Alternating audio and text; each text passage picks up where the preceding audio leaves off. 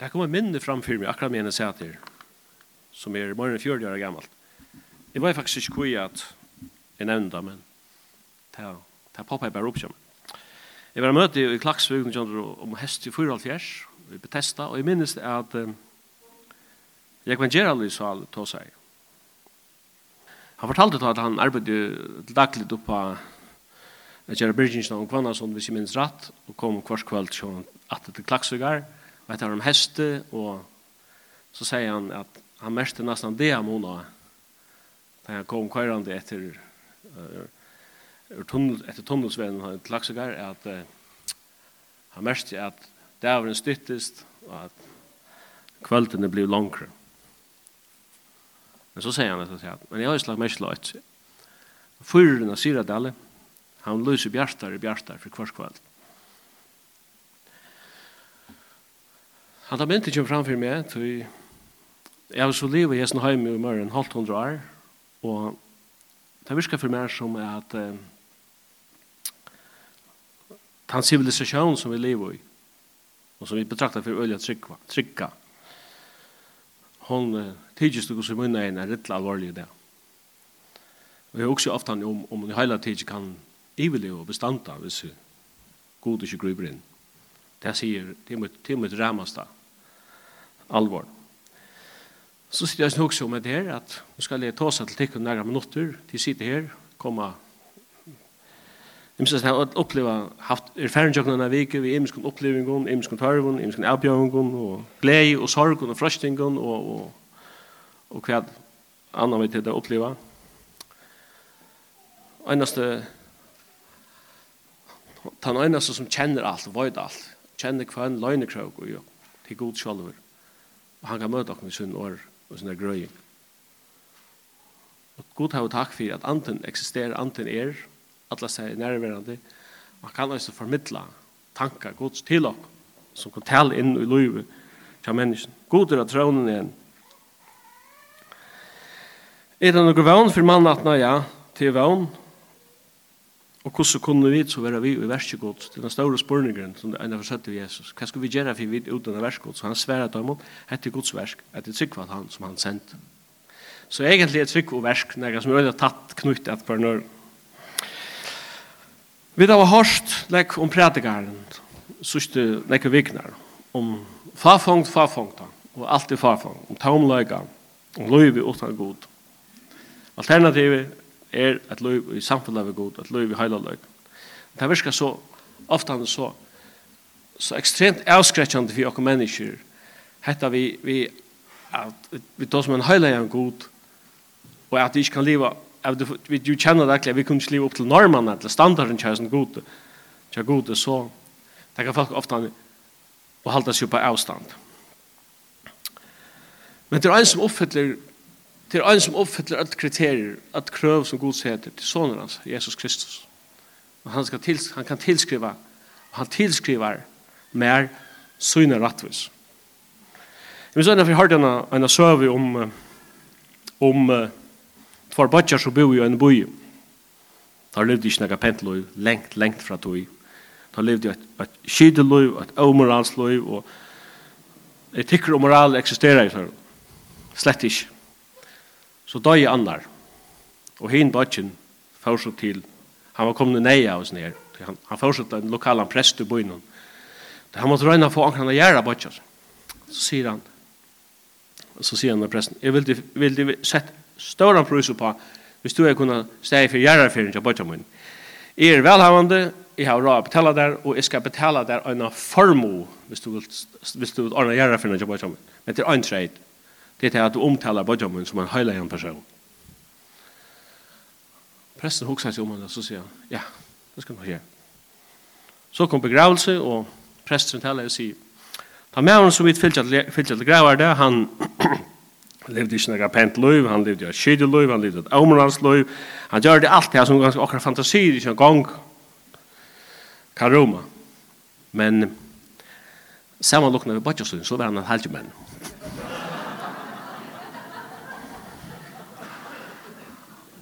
Vi er öll halvjumenner, bara standarden og lav. Vi føler oss öll vel om vi skulle samanlokna oss vi Josef Stalin eller, eller Adolf Hitler. Men kanskje ikke hvis vi skulle samanlokna oss vi, vi Florence Nightingale eller Mauer Teresa. Men det er ikke tann at ønsken av oss oppfyller standarden, godstandarden. i 8 omtalar tar ljódesyndarna, hvis vi kan säga, og i menneskens egen. Rombrau 2, tåsar om tar penisyndarna. Og Rombrau 2, det er jo sammen om og sier, öll synda, og fatta storgods. Og teivera rattveskjörd, öll, for ønsju av nøy hans, i endeløysingen, som er og i Kristi Jesus. Han som god har sett fram, nøyest han. Til det øyneste han, Det er det eneste vevn vi øye i sin heim. Det er Kristus. Og da jeg kom farserende til Jesus og sette henne spørning, er det lovlig til å lade skatt til keiseren. Jeg har jo ofte hokst om et her. Det ble livet til meg, så tog jeg med Lise evangelien. Hvordan ofte han er, og Jesus sverer en spørning vi spørning. Han sverer spørningen vi spørning. Det er ikke alle spurningar som kunne svære åt. Det vet jeg journalister som sier ofte sværa, jeg er et eller annet Det er nesten som er bæg kan brukes, om jeg der. Så sier jeg, er det løyvlig å lete skatt til keiseren? Da kunne bruka bare sværen i møte. Han sværa, han sa sviktar og hyklar og sier vittverk, hvor som er en skattpening. Han kom som en skattpening. lade jeg en mynt i hånden av ham. Så sier han, først innskrift er dette? Og det sverer keiserens. Så sier han, så gjør vi til keiseren til. Og keiseren ser, og gode til. Og god ser. Men så enda det her. Hvis du hadde fortsett å spurt, så er, naturligt, så er det vel naturligt å sette en annan spørning og sagt, ja, men, hva hører så god til? Hva er gods? Vi vet nok hva har kajsaren til, men hva hører så god til. Og ta vel dessverre kanskje vi Hygg etter deg selv. Prøv hygg og i spekkel. Hva sørst du? Hvers innskrift er det? Da du hygger etter din egen anledd. Menneskene er skapt og godsmynd. Hvers innskrift er to?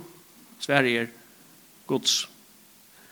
Myntren blir kajsarens innskrift men to bæst Guds innskrift. Så djev kajsaren til kajsaren sier, og djev god til som Gud sier, altså djev han til sjolva. Så vi sier at han brukar hessar myndene ut til daglig løyven av Jesus for å lysa, illustrera alle andalige sannleikar. Og en av myndene som han brukar er søvann om den døyre perlene som sinne Matteus 1 i Matteus evangeli. Rujtje himmelrujtje er lukt manne som, eller kjeppmanne, som leita etter dyrun perlum, etter vøkrun perlum stend.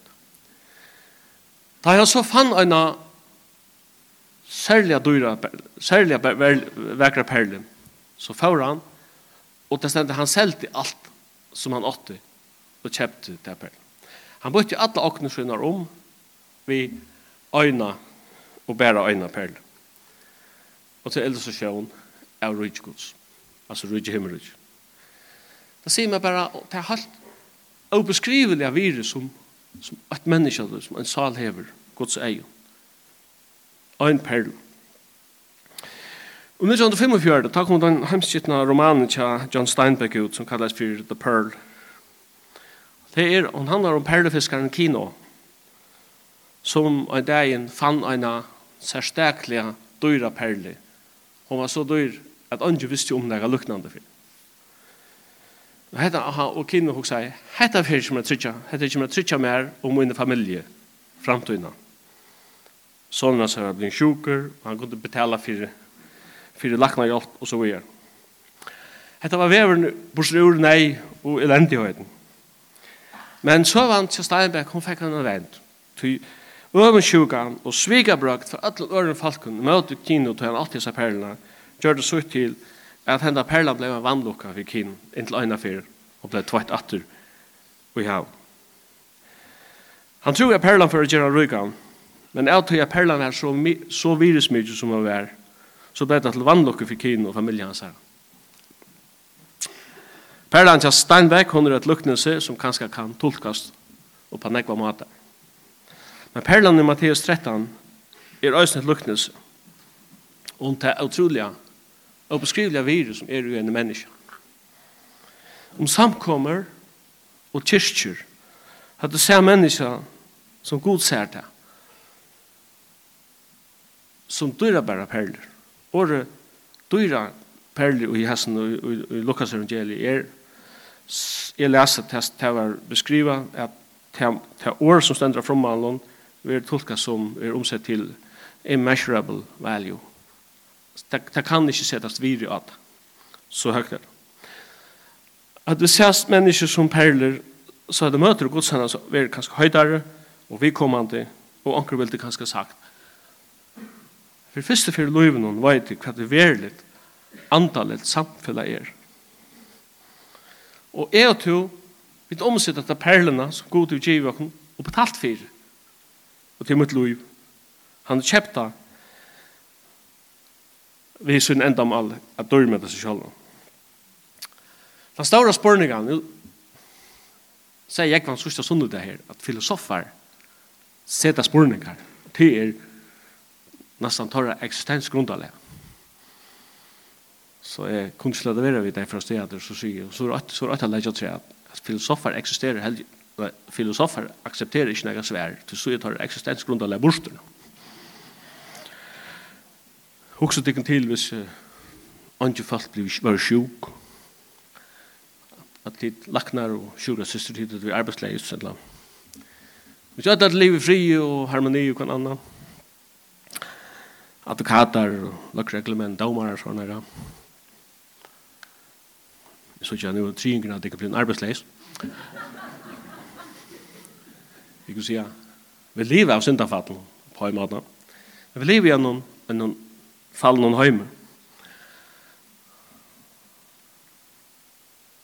Men vi for god, vi for god er tingen, er ideal idealet, nekka som er, nekka som er fullkommet, da Jesus lærte der å bia. Kom røyget ut og være velget ut, som i himmelen, så jeg gjør. Det er sånne krefter i det, som vilja rena frien fra okken Men Den kristne bådskapen har omgant hui og i nudgjart hos i europeiska sjø vi er spott av så nekv og så åpenlust som han er og i det. Og skriften sier at god leder seg ikke spotta og jeg er visst ikke i at det kommer rockskaper der det er bare spørsmål om det her. Det er ikke å være avgjørlig det å være Jesu Kristi lærer som er det, og så samtidig være politisk korrektor. Helt ikke før. Men en kvar som omboer, eller som er, den dyrer perlen i skapter, vi er en konkret en enda maler. Det er godkjenner fra avn av alt sånne versk. Filosof, filosofiske spurningar er hvor er jeg? Hvor er jeg her? Hvor er kom jeg? Og hvor er ferdig jeg? Jesus har svært på alle hessa spurningar. Alle sammen skapt i Kristi Jesus til gåverk som han framåndan har lagt til røyer at vi skulle livet av. Så det sier det. Til alle. Så det var det også til Adoniram Adoniram Judson Judson som var født i 1608 Han var amerikaner. Judson gav løs til frelseren som bad. Han underviste i kyrkje og sundagsskolen då det större parstar av Bibeln utan att Arne var tillkom. Det var en brennande vittnesbörd. 16 år gammal för han har läsa av en universitet i Rhode Island. Här fick han en vimman som kallas för Jacob Eames som var skeptiker och godlösinger. Han gjørs rettelig av vinner og Jacob Eames rønte i alt hva han kunne Jeg skrev den kristne arven ur løyven og kjær Adoniram Judson. Og det er lukkast og gusser, jeg byrja vi. Judson for å lese den franske filosofen er, og biblian kvar av Borg hans. Da lestar truen var av, så skyltes tar av veier. Og Judson har sagt farvel til sina badnatrygg. Han rønte seg så etnene på imiska matar, som skriva sjånleik og sånt, men det var ikke som velja gav honom suksess. Han færast av hestberg i kjøkken USA, og kom færast kjøkken nekka stater, og et kvöldi kom han til et herberg i en stati. Han bæg om innevist i sin herberg noen, men han fikk vita til at det var fullsett. Ja, men kan jeg ikke sleppa kan jeg ikke sleppa sova ankerstein, spurte han versten. Bare ankerstein, om jeg kan sleppa sitte og sova, om ikke annet, for jeg er deg trøyt. Versen sier vi han er ett rom, det er ett rom her, eit lyd rom, som du kunde sove i, men det er kanskje ikke det beste av rommet. Og her er det at så ligger det en mjøver ved siden av rommet som er, ligger av deg strå. Så det er kanskje ikke det mest beheilige at ikke sover. Jeg tar ikke gledelig av vittu, sier han. Du er deg trøtt. Just som for inn ut av rommet leis og sove. Han fyrre parten av nattene var ikke så hundalig. Du hinner med en vetjen hørte han, deis engines desengjesna og vannløse fra de unga mannen. Og Judson sier, jeg har unga vann av jeg hun, til degen er jo enden ødel. Da jeg nega var livet av nattena, det var tøgn. Morgen etter spurte Judson versten hos Jacks unga mannen. Han døg jo natt, sverre i vestre. Kjente du mannen, spurte Judson. Ja, sier vestren. Mæren hei universitetspreg fra Province College. Han kallas fyrir Jacob Eames. Judson fikk en kjelk. Det var mæveren som herran trunna fra honom. Og han forbønte ut, tok hesten, eller sette seg av hestbæt og røy bøgnleis til foreldresyn. Og vi har en rundgei hese årene i høtt hans herra. Årene deier fortapter. De ringte jo årene. Da han var kommet hjemme til sier han vi foreldre søgne, jeg vil feien at jeg løyer meg atter til tætrygg, som ber jøkken løyv, og jøkken deia, og jøkken tøy, og jøkken avlag. Han sier, det var pura grøtt for meg, at det var ikke tilfeldig at det var kommet av litja, sørste natt og sova, just her som vi var. Det var en god som jeg finner vis med. Judson ble satt ned troboer i Burma, det aller første amerikanske troboer som ble sendt ut. Han fører her ved konsunni, og løyengar hans herra blir øyeligar i Burma. Her helt han ut i nekko og omsett i bøybina til burmesist. Opplevd lang fangses i halt. Lusset hans her er dramatisk og spennende. Og til som har alltid en så større prøys han er trygg som han. Og i Burma taler han ennå det høyast han er deir. Men Jakob Ims taler ikke det. Løsøvann til Jotson er kjent, og en av mest dramatiske søvann om nægan han. trubor. Vi har ikke sett inn i den heimen, til feltjøyt, til tilnægget, til, til vildarit. Hvis du vil kjenne prusen av perlene, som heter degna løy, så lær at andre gods løya til ut til Golgata. Hittje med averen, så ikke tarnar, så ikke naklanar, lukka meg ikke, hva du helder, prøv å søk borster fra det sjálf og hikka han. Og det er lika, men som var så illa viffer, at han var romerske sløven. Og så sier jeg, hatt i prøyseren for perlene. Og kan neka i løyvene være større enn å taknas hånden som betalte prøysen. Er ikke alt anna, alt anna her i løyvene, og sørste enda, et farfang, ettersøkn etter vinter, hvis jeg skal bruke årene til predikaren. Her mennesker i det jager etter aksept og å være i midtelen celebrity, i midtelen det kjente og kompatenten og så videre. Tøy at man har en sånn innbygd av fædene av at hatt i lukkan og hatt i edden. Da kjente høvenden Jack Higgins var en av forspurt hva han kunne hoksa seg her at vita ta han var smadrunken. Alltså som han är lärt som vaksen, men som han ganska borde vita som smadrunken.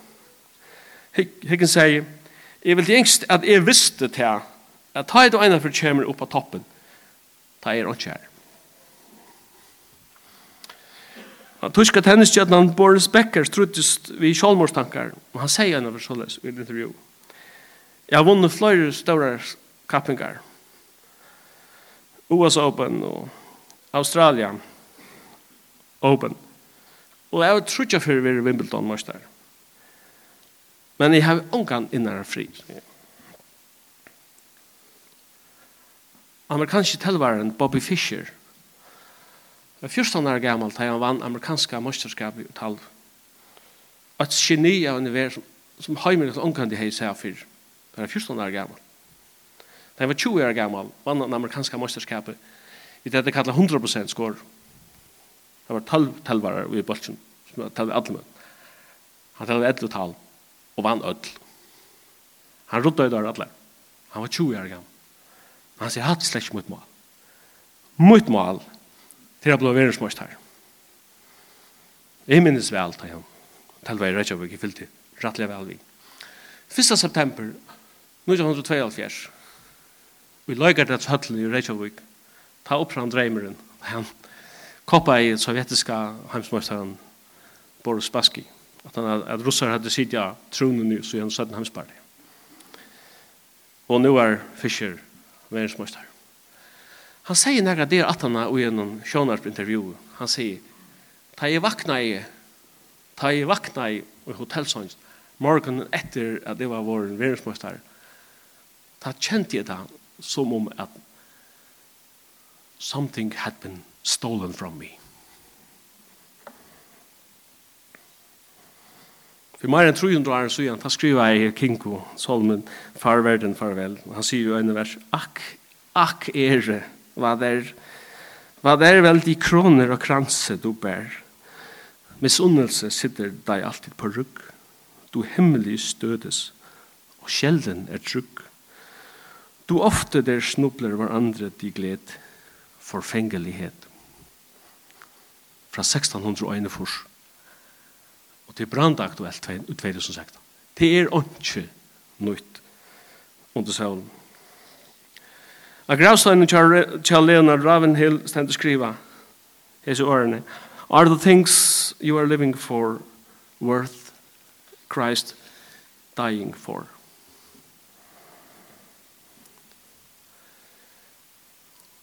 Du er perlan, du er vir. Jesus sier en sånn, Hitt etter folklen himmelsins, tar så ikkje, tar hest ikkje, tar savn ikkje løve. Og himmelske feir tikkara, føyer tar. Er det tid ikkje menka meir verder enn tar. Så just menneska hever vir, og alle menneska hever vir. Jeg elsker Lukas 15, jeg er mest av heimabeid ikkje mer i skriften. Og jeg leser det angant i utan, så ikke et eller annet nytt i skriften. Alle tattlarar og syndarar heldur seg nær til Jesus for jeg høyre han. Hvor er det? Det er alle han som. Det er magnet. Det er Det stender ikke at tattlarar og syndarar heldur seg til synagogene eller til tempelet eller til religiøse synar. Det var totalt antireligiøse. Men de heldur seg nær til Jesus for jeg høyre han. Men var i farserene og en skriftlar knarra og satt hesen teker mot og syndar. Og eter vitt ham nåla at alla og tar og tog mentan oss at, at hvis du dalde malt i nega så er det fullkomlig akseptera i hvert fall hvis ikke han kan akseptera alt det som du har gjort men fyrt det som det var altså dyrar per og herren for å ta seg luknelser han brukte tro i luknelser for å beskriva virre Det, står, det snur ikke om virer som er standet på spil, som han kom til kjøper. Om en maver hundra seier, og misser øyn vekk. Øyn er hundra. Etla om en kvinna har tutsi drakmur, og misser øyn er borster. Og det sista, en maver heit var sine. Og at lese her, at lese illustrasjonen er fra seien, fra drakmunnen og fra sinen, refererer alltid til byrjanina av kapitlen Alle tattlæra syndare hilser nær til Jesus, for jeg høyre han. Men andre knarra oss at han teker mot syndar, og edder vi tar tøym. Hva er det som han sier i hesten tøyne, i hesten konteksten? Han sier hever vire for, han sier hever et vire for hiran. Og han får ut av løyt tror Han løyt er ikke hjemme ved huset, sier noen, vet du hva, du sier nere ikke her, det var jo noen krav. Så keep it simple. Hva skjer han? Han får ut i øyemarsene, lengt, og løyta. Og løyta er han finner han, og da han finner han, så lekker han han glaver her han her, og ber han heim. Kattler viner sine sammen og sier, gledes vi mer. Jeg har funnet seien som jeg har, som jeg har mist. Alle tattler og syndere hilder sin er.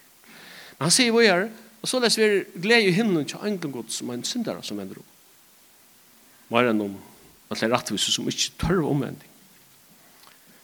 Gleden ver altså luta vi ånder, og ta fart og glemmer bors ur gleden. Det sier. Et langt kvinna når jeg tog ikke drakk med misser øyna. Det gjør hun så. Hun tendrar ljøs, og fyrir saupa, og leiter i ætlen husen hun, og inntil, hun leiter inntil hun finner. Hon fyrir ikkje ut i øyemørsna, og leite til drakmen, tog hun er ikkje her. Hon er mist høyma og sier ni mister lengt bort.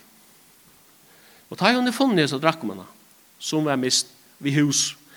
Så kallar hon saman sånne granna kvinner og sier Gledes vi mer, jeg har, jeg har funnet drakkene som jeg har mist. Og hese elsa sjønner fra Seionon, som er lengt borster, mist og drakkmann som er mist, heima, det er så oppsummera ut i sista og til sterkaste illustrasjonene da han sier og maur hei et var sinner Nå snur det seg ikke om pening nå snur det seg ikke om seg men det dyrast av alle dyrum mennesker og i hessføren taler han om en feir som hei et var sinner og han yngre sier i feiren Læt meg få parsten av åknene som er luknast.